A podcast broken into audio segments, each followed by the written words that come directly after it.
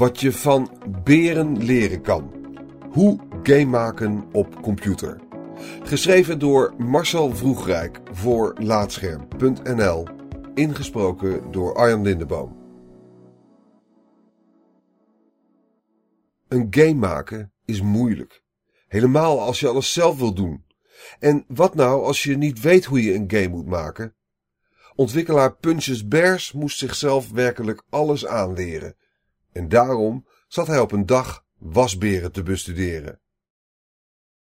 Punches Bears, echte naam Hunter, is als ontwikkelaar nog niet echt bekend. De in Seattle wonende Amerikaan heeft behalve een tech-demo nog geen games uitgebracht. Als je hem kent, dan is het waarschijnlijk van die ene video op Twitter. Dat is tenminste hoe ik Hunter tegenkwam. Ik zag drie beren dansen op de maat van de muziek en was meteen verkocht. Dit wil ik spelen, dacht ik. Ook al had ik geen idee hoe, waarmee en wanneer. Het is een beetje de stijl van Hunter. Hij maakt iets, vindt het grappig en zet het op Twitter. Geen idee of het in een game past, maar mocht dat zo zijn, dan weet hij alvast hoe het moet. Het is een stijl ontstaan in een vacuüm. Hunter had naar eigen zeggen geen enkel benul van gameontwikkeling toen hij besloot om spellen te gaan maken.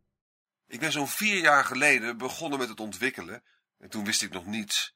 Ik heb letterlijk mijn browser geopend en getypt hoe game maken op computer of iets in die richting, vertelt Hunter in een telefoongesprek. Hij laat niet geheel verrassend weten dat daar sindsdien nogal veel tijd in is gaan zitten. De eerste twee jaar is hij enkel bezig geweest met de verschillende aspecten van gameontwikkeling leren, waaronder programmeren, modelleren en animeren. Ook werkte hij aan een eigen physics engine binnen ontwikkelaarsplatform Unity. Bijna iedere dag, zo'n zes uur lang, bovenop een fulltime baan. Mijn intentie om dit te gaan doen kwam voort uit dat ik gewoon echt wilde leren hoe het moet. Niet omdat ik per se een game wil maken en rijk en beroemd wil worden. De stukjes gameplay die Hunter op Twitter gooit zijn ook niet per se van hetzelfde spel. Ik heb ongeveer zes of zeven game-ideeën waar ik voortdurend aan werk. Ik probeer gewoon te doen wat interessant en leuk is. En dat kan zomaar veranderen. Zijn fascinatie was beren, nu zijn het wasberen. Een ogenschijnlijk subtiele verandering die flink wat uitdagingen met zich mee blijkt te brengen. Hunter stelt dat enkele 3D-model van de wasbeer maken hem al drie dagen heeft gekost. Dat deed hij door zijn bestaande beermodel aan te passen, maar ja, hoe ziet een wasbeer er precies uit? En nog belangrijker, hoe animeer je een wasbeer? Het zijn vragen waar je in geen enkele ontwikkelingscursus antwoord op zult krijgen. Er zat voor Hunter dus maar één ding op: veel wasberen observeren. In de ontwerpfase heb je gewoon een aantal monitors en op één daarvan zet je een aantal referentieafbeeldingen, legt Hunter uit.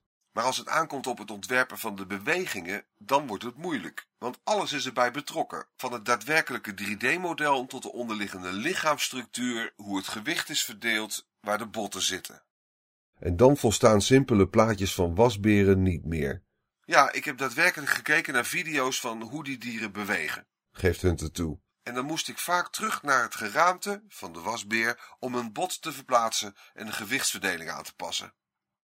Het resultaat van al die moeite mag er zijn. Bovendien lijken de wasberen de aandacht van Hunter te hebben geconsolideerd op één project. Het spel heeft zelfs al een naam, tenzij hij daar juridisch mee in de problemen komt: Raccoons. De bijbehorende omschrijving: Ik ga een game maken over wasberen die vuilnis stelen en zich als eikels gedragen. Ik noem het Raccoons. Je zou haast zeggen dat Hunter zijn eerste spel officieel heeft aangekondigd. Ons interview komt na drie eerdere onderbrekingen abrupt ten eind als de verbinding het definitief begeeft. Ik heb nog net mijn wens uit kunnen spreken om ooit een spel van hem te kunnen spelen, want iemand die me als wasbeer met een drone laat vliegen is per definitie mijn held. Het gesprek met Hunter wekte wel wat lichte jaloezie op. Ik wil ook al jaren een eigen game maken, maar heb geen idee hoe. En hij doet het gewoon. Misschien dat ik daarom nog vroeg of zijn fulltime baan hem echt niet had klaargestoomd voor gameontwikkeling. Nee, het heeft niets te maken met games of met het maken van games. Althans, dat is niet waar. Ik werk bij Unity. Nu komt de beer uit de was. Maar mijn baan heeft niets te maken met het ontwikkelen van games. Ik doe daar netwerkbeveiliging.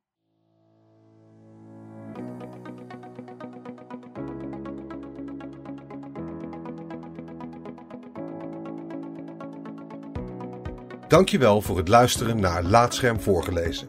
Als je waardeert wat we hier doen, dan zouden we het leuk vinden als je even een sterrenrating en een recensie achterlaat op Apple Podcasts of de podcastservice van jouw keuze.